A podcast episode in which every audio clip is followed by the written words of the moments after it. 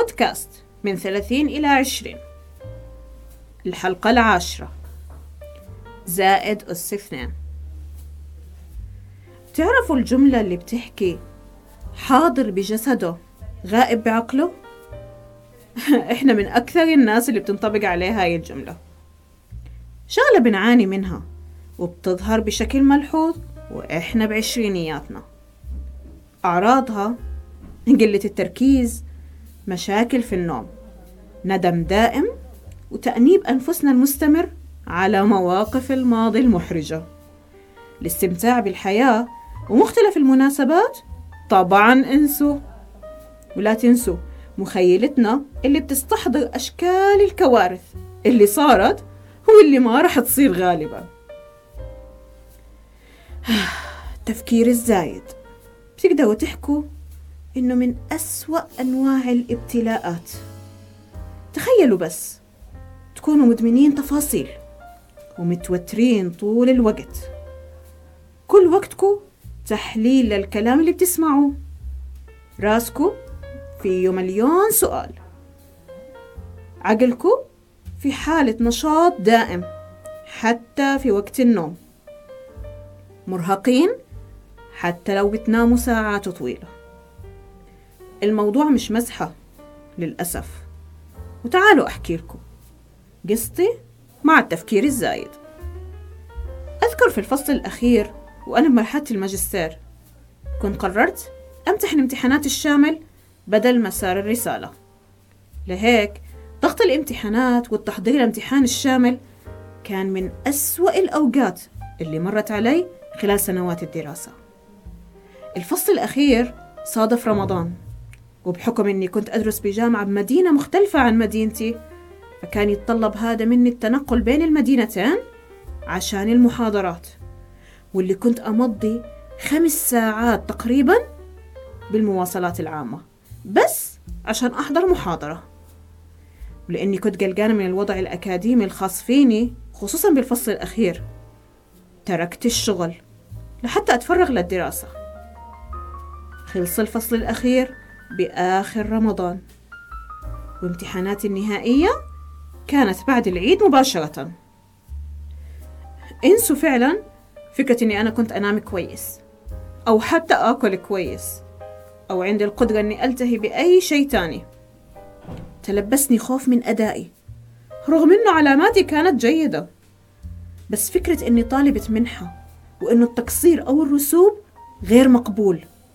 كان هذا الموضوع مأرقني انتهت امتحاناتي النهائية. وكان معي أسبوعين للتحضير لامتحانات الشامل اللي كان عبارة عن أربع امتحانات بقدمها على يومين. انسوا إنه بعد الأسبوع الأول اكتشفت إني بدرس محاور غلط والامتحان ما راح يغطيها. طبعا هاي المشكلة ظهرت لأني تبحرت زيادة عن اللزوم.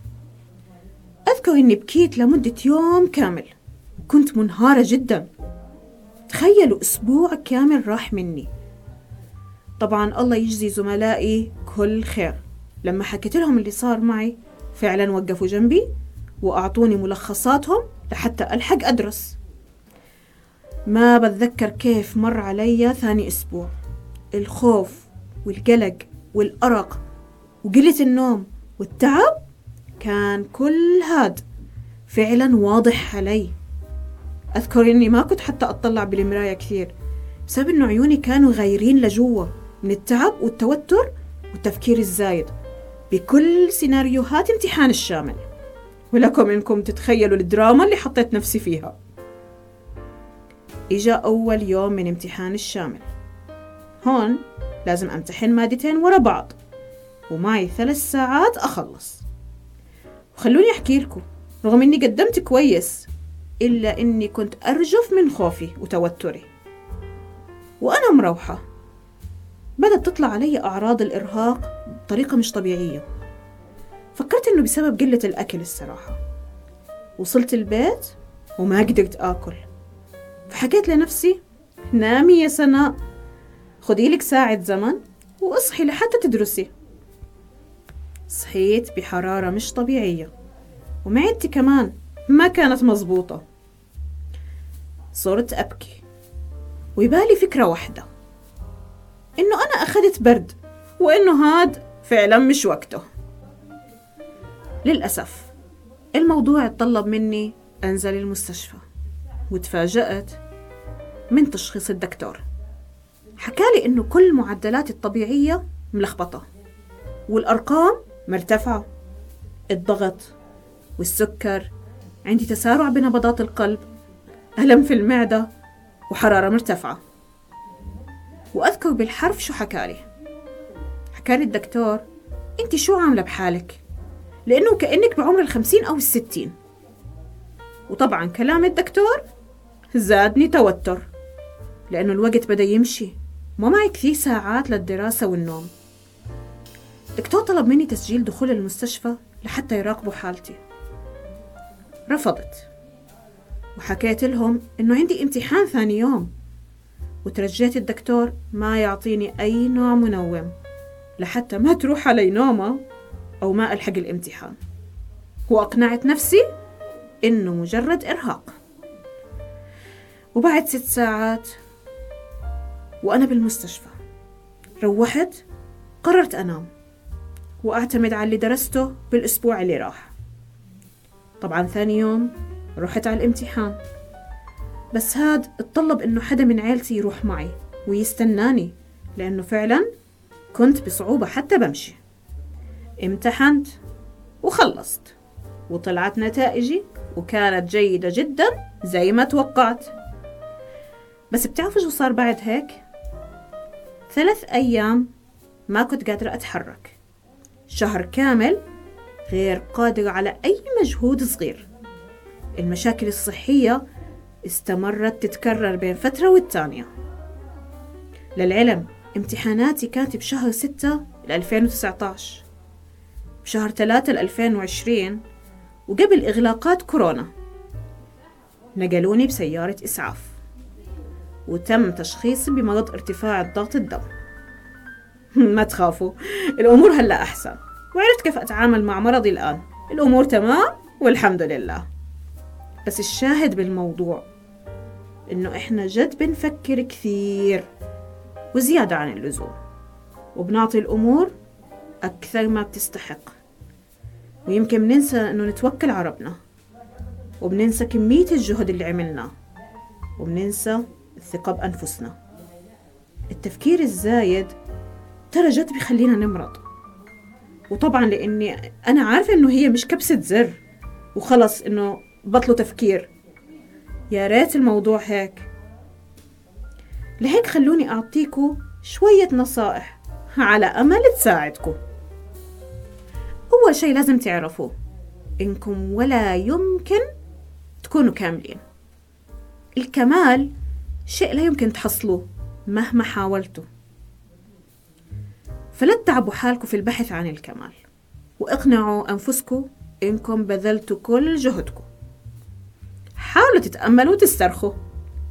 شوفوا شو الشيء اللي بيخلي عقولكم ترتاح شوي. وعن تجربة ممارسة الهوايات إلها مفعول سحري في تفريغ عقولنا. دوروا على فيديوهات تمارين التنفس وطبقوها لحتى تساعدكم كمان. اتذكروا الإيجابيات حتى لو كانت بسيطة. لأنها ببساطة بتحسن حالتكم المزاجية وخففوا سلبية شوي. ممارسة الرياضة أو المشي بتساعدكم كمان لحتى تحسوا بالإيجابية والإنجاز بيومكم. حطوا قائمة لأهدافكم واشتغلوا عليها. ثقوا بربنا وتوكلوا عليه وكونوا واثقين من أنفسكم. فضفضوا آه، لأكثر شخص بتثقوا فيه. من العيلة أو من الأصدقاء. كونوا عطوفين بأنفسكم وكونوا على يقين إنه إذا ارتكبتوا خطأ مش معناته نهاية العالم. إذا راحت منكم علامة مش نهاية العالم.